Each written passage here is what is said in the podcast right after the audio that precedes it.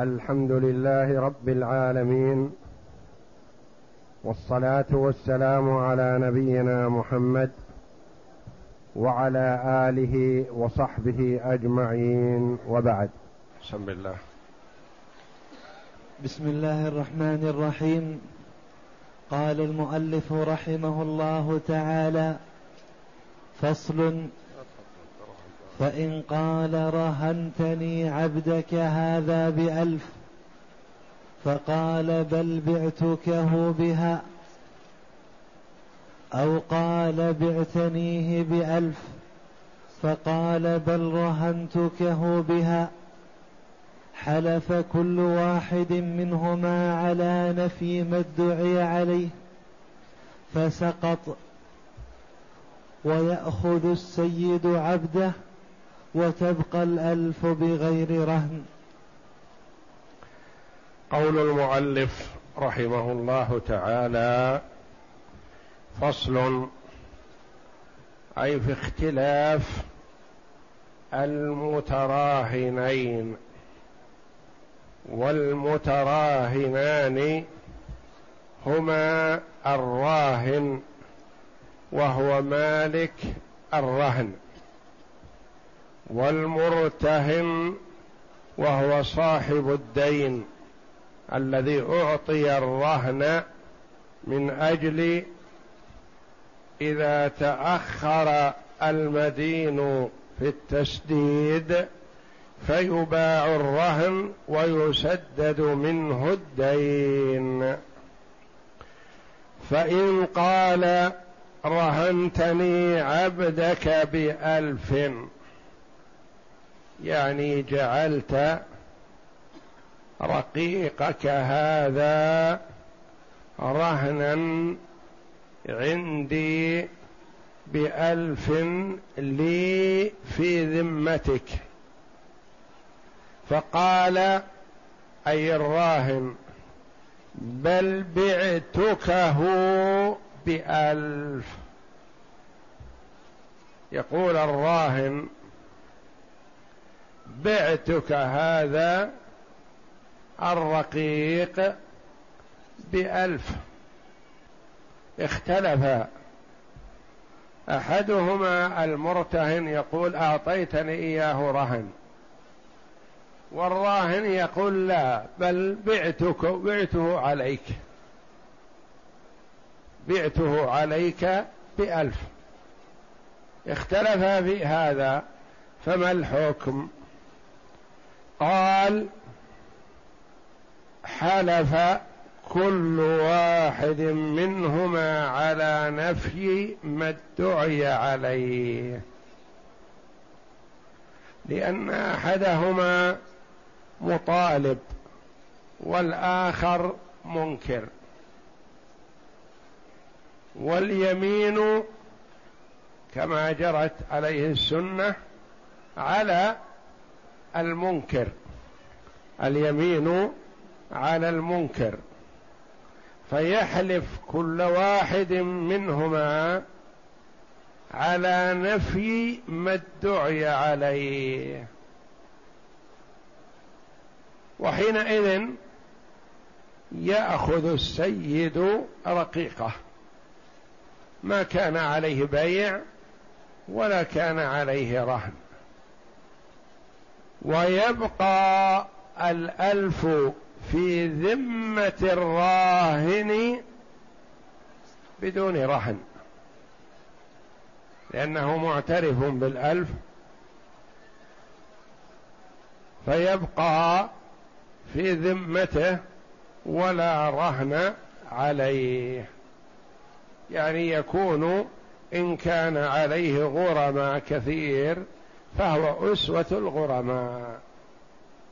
وفائدة الراهن أن المرتهن يبدأ بسداد حقه قبل الغرماء الآخرين.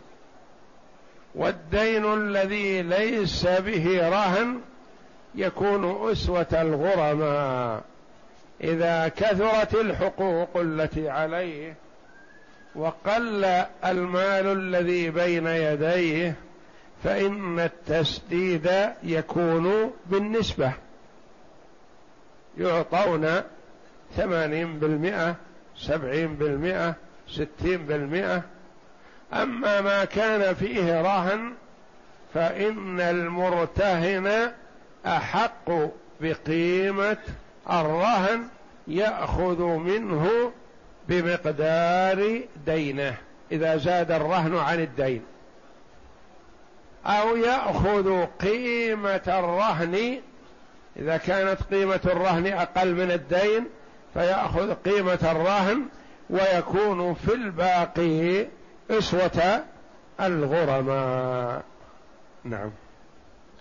فصل.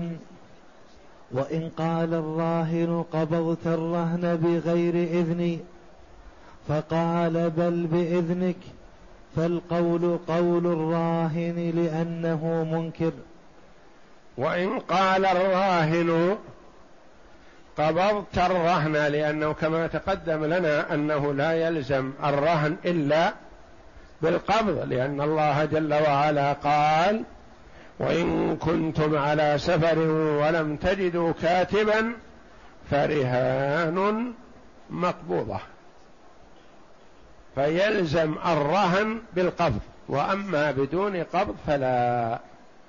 هذا على قول الجمهور وقيل يلزم بدون قبض. فإن قال الراهن الذي هو مالك الراهن يريد أن يبطل الرهن قال قبضت الرهن بغير إذني ما أذنت لك بقبضه؟ فقال بل بإذنك. فالقول قول من؟ أحدهما مدعي والآخر منكر. منكر للرهن والآخر مدعي لصحة الرهن. فالقول قول منكر الرهن مع يمينه. نعم. وإن قال أذنت لك ثم رجعت ثم رجعت قبل القبض فأنكر المرتهن فالقول قوله لأن الأصل عدم الرجوع. كذلك وإن قال أذنت لك ثم رجعت قبل القبض فأنكر المرتهن فالقول قوله. قول من؟ قول المرتهن. فالقول قوله لأن الأصل عدم الرجوع هو يعترف بأنه رهن ويعترف بأن المرتهن قبض الرهن وكلاهما متفقان على هذا لكن الراهن يقول أنا رجعت والمرتهن يقول لا ما رجعت أنا قبضت الرهن واستقر عندي ولم ترجع وإن كان رجوعك بعد قبض الرهن فلا فائدة من رجوعك لأن الرهن لزم بالقبض. ويقول أنا رجعت فالمرتهن يقول وإن رجعت فإن رجوعك بعد القبض. يقول الراهن لا رجوعي قبل القبض. فالقول قول المرتهن لأن الأصل أنه ما دام اعترف أنه قبضه بإذنه فالأصل عدم الرجوع. نعم. وإن كان الرهن في يد الراهن فقال المرتهن قبضته ثم غصبتني فأنكر الراهن فالقول قوله لأن الأصل معه. وإن كان الرهن بيد الراهن إذا كان الرهن بيد الراهن فلا يلزم. والرهن الآن بيد الراهن. فقال المرتهن الذي يريد لزوم الرهن قال أنا قبضت الرهن فلزم لكن أنت غصبتني إياه. قال لا يا أخي أنا ما غصبتك أصله كان بيدي وهو لا يزال الآن بيدي. فهذا هو الأصل. الأصل عدم الغصب. لأن هذا يدعي شيء والأصل عدمه فمعناه أنه لم يلزم فمعناه أن القول قول الراهن. نعم. وإن أقر بتقبيضه ثم قال أحلفوه لي أنه قبض بحق ففيه وجهان. أحدهما يحلف لأن ما ادعاه محتمل والثاني لا يحلف لأنه مكذب لنفسه. وإن أقر بتقبيضه من هو؟ الراهن. أقر بأنه قبض الرهن للمرتهن. ثم قال أحلفوه لي أنه قبض بحق. يقول صحيح أنا قبضته إياه. لكن أريد أن يحلف أنه قبضه بحق. بحق له علي. نقول لا. الأصل أن ما دام أنك تعترف بأنه قبضه فالأصل أنه قبضه بحق. فمعناه أنك كأنك تكذب نفسك. تقول صحيح قبضه بحق لكن حلفوه. صحيح أنه قبضه لكن قبضه إياه بغير حق. نقول لا. إذا حلفناه فكأنك أنت تكذب نفسك. والأصل أنه ما قبض الرهن إلا بحق. وهذا هو القول الآخر الذي ذكره. والقول الأول يحلف. واليمين إذا كان الثاني صادق فهو ما يترتب عليه شيء يحلف. وإذا نكل فعلى ما تقدم أن من نكل عن اليمين فهو كالمقر. نعم. وإن رهنه عصيرا ثم وجد خمرا فقال المرتهن إنما أقبضني خمرا فلي فسخ البيع. وقال الراهن بل كان عصيرا فقال أحمد فالقول قول الراهن لأنه يدعي سلامة العقد وصحة القبض وظاهر حال المسلمين استعمال الصحيح. فكان القول قول من يدعيه كما لو اختلفا في شرط يفسد البيع. وإن رهنه الراهن دفع للمرتهن عصير في قوارير أو في إناء من جلد أو نحوه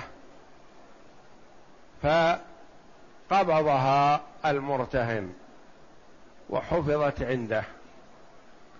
فبعد فترة اطلع عليه فوجد أن ما في هذا الإناء أو القربة أو القوارير أنه خمر. يعني تخمر. اختلف حينئذ. قال المرتهن أنت أعطيتني إياه وهو خمر.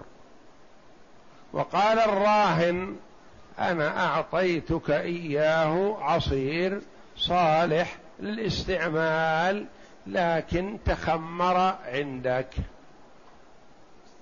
ما فائدة الخلاف قبل أن ندخل في حلها؟ المرتهن يقول حينما أعطيتني إياه كان خمر. والراهن يقول أعطيتك إياه صحيح سليم لكن تخمر عندك. ما هي فائدة الخلاف هذا؟ هو خمر تبين أنه خمر لاحظوا فيراق لا قيمة له. خمر يراق لا قيمة له ولا يباع. لكن ما هي فائدة الخلاف؟ هذا يقول حينما أعطيتني إياه كان خمر والآخر يقول أنا أعطيتك إياه سليم ثم تخمر عندك. ما هي فائدة الخلاف؟ فائدة الخلاف أنه إذا كان سلم وهو خمر فالبيع غير صحيح.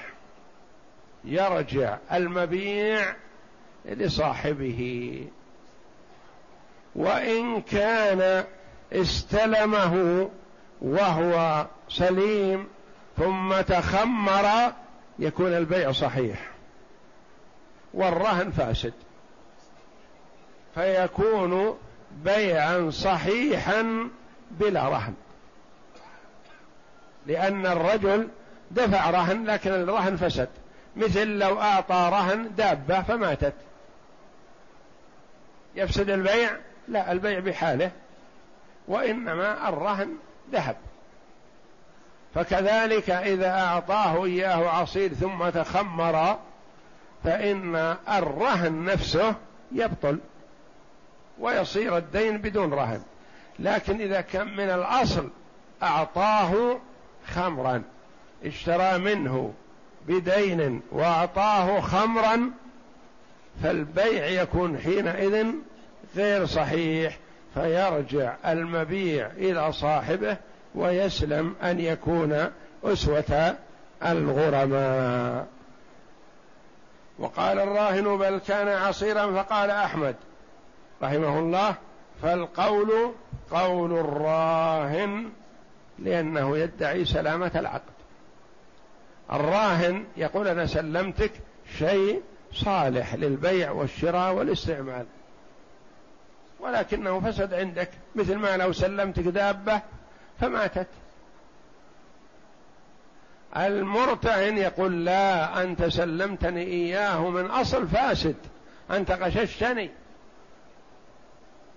فالأصل السلامة والأصل أن المسلم إذا تصرف فإن تصرفه يكون موافقا للشرع. هذا هو الأصل. إلا إذا ثبت بالبينة خلاف ذلك فيؤخذ بما شهدت به البينة. فكان القول قول من يدعي السلامة في البيع. كما لو اختلفا في شرط يفسد البيع. اختلفا في شرط يفسد البيع. أحدهما يقول الشرط فاسد يفسد البيع. والثاني يقول لا يا أخي البيع صحيح والشرط هذا نفسه فاسد هو ما يفسد البيع ليس من الشروط التي تفسد البيع لأن فيه شروط تفسد البيع وشروط تفسد هي والبيع بحالها البيع صحيح. فإذا اختلف في شرط يفسد البيع فالأصل مع من يقول بعدم فساد البيع لأن هذا هو الأصل في المسلم. ويحتمل أن القول قول المرتهن بناء على اختلاف المتبايعين في حدوث العيب. كما تقدم لنا في حدوث العيب قيل القول قول المرتهن وقيل القول قول الراهن فيقول هنا كذلك يحتمل أن القول قول المرتهن على ما تقدم في أنهم إذا اختلفوا في شرط يفسد البيع أن القول قول المرتهن ليفسد البيع لأنه ينكر الصحة ينكر الصحة ويدعي الفساد. فالقول قوله ومثل هذه المسائل الخلافية قول يحتمل ويحتمل كذا آه، اجتهاد الحاكم وحكم الحاكم عند الخلاف يرفع الخلاف حينئذ ويلزم الحاكم الشرعي بما يراه مناسبا. نعم. ولو كان الرهن حيوانا فمات واختلفا في حياته وقت الرهن أو القبض فحكمه حكم العصير. مثل ما لو رهنه حيوان ثم بعد فترة تبين أن الحيوان هذا الرهن ميت.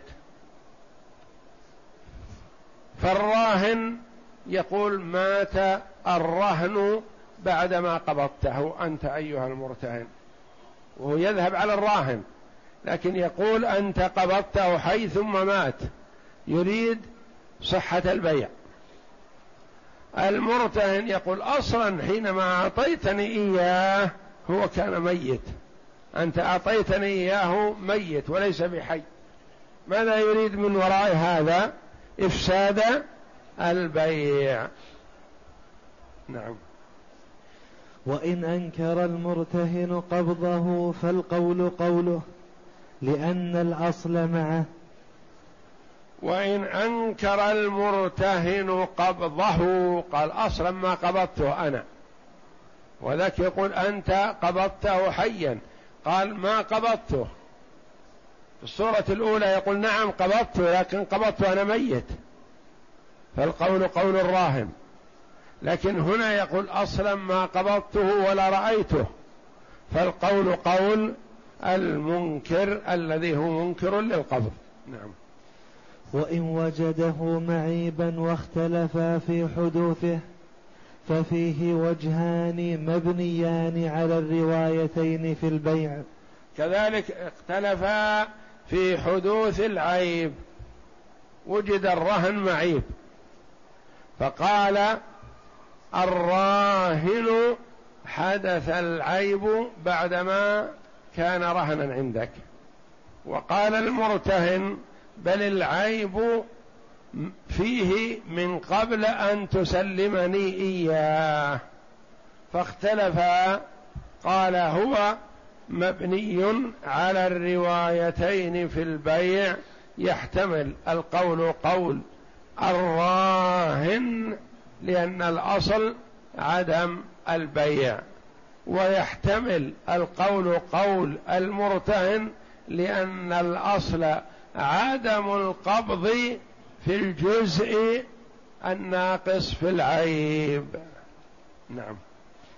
فصل إذا كان لرجل على آخر ألف برهن وألف بغير رهن فقضاه ألفا وقال قضيتك دين الرهن فقال بل هي عن الألف الآخر فالقول قول الراهن سواء اختلفا في لفظه أو نيته لأنها تنتقل لأنها تنتقل منه فكان القول قوله في صفة النقل وهو أعلم ببينته.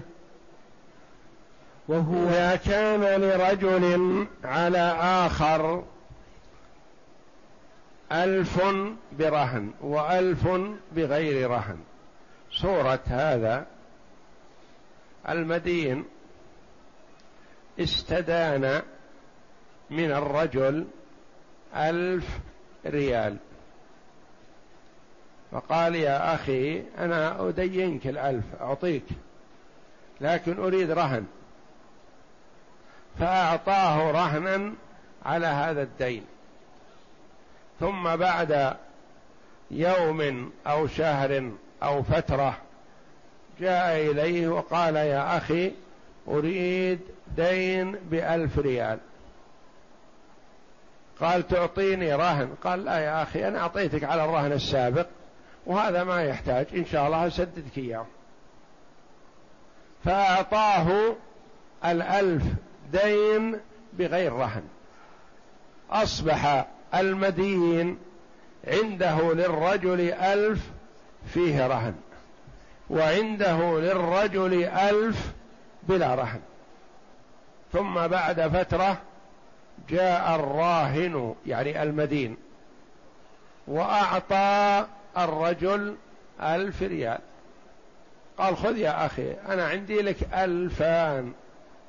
عندي لك ألفا ريال اثنان. خذ هذا ألف والألف الثاني إن شاء الله متى ما تيسر لي أحضرته لك. فأعطاه إياه أخذه وسكتا بعد يوم جاء المدين وقال يا أخي أعطني الرهن اللي عندك لي. قال لا يا أخي ما أعطيك إياه حتى تسدد الألف الثاني. قال يا أخي أنا أعطيتك الألف الذي فيه الرهن فالرهن الحين خلاص أعطني إياه. قال لا أنت أعطيتني الرهن الذي ليس فيه رهن أعطيتني الألف الذي ليس فيه رهن. والآن اللي في ذمتك الألف الذي به رهن. لأن من مصلحة المرتهن أن يكون استلم الألف الذي ليس فيه رهن حتى يبقى الرهن عنده. ومن مصلحة الراهن أن يكون سدد الألف الذي فيه الرهن حتى يقبل الرهن يعاد إليه الرهن. اختلف. من القول قوله؟ القول قول الراهن.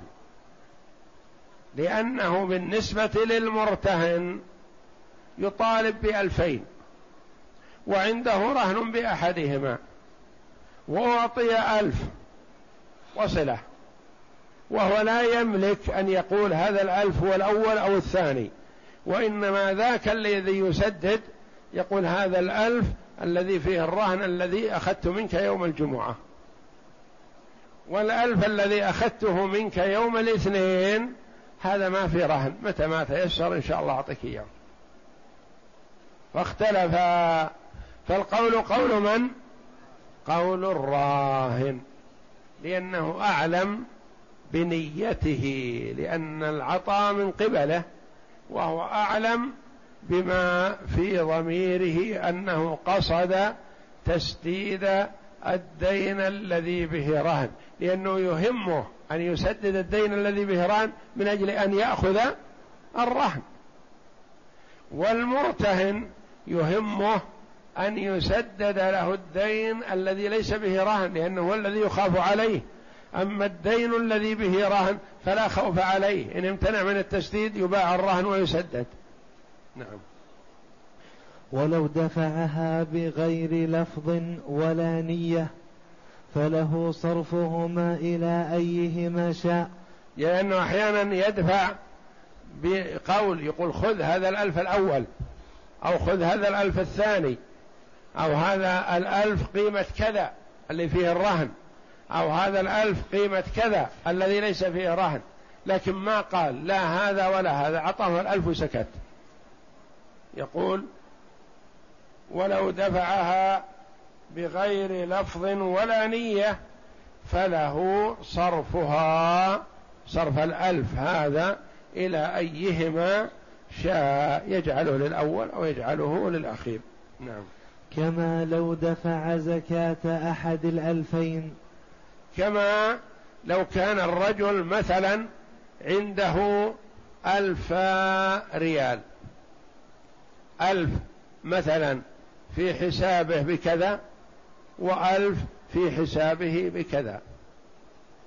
أخرج من جيبه خمسة وعشرين ريال زكاة الألف وأخرجها أعطاها للفقراء. خمس وعشرين ريال زكاة الألف. هي لأي الألفين؟ من الذي يدري؟ المخرج الزكاة. مثل هذا المسدد اللي سدد الألف الأول أعلم بما يريده عنه. هل هو قيمة التمر أو قيمة البر؟ مثلا كما لو دفع زكاة أحد الألفين فإنه ينويه بالألف الذي في حساب كذا أو الألف الذي في الصندوق عنده. نعم. وإن أبرأه المرتهن من أحدهما فالقول قول المرتهن لذلك. وإن أبرأه المرتهن من أحدهما. قال مثلا أنت عندك لي ألف ريال. قيمة البر الذي بعت عليك. وعندك لي ألف ريال قيمة التمر الذي بعت عليك.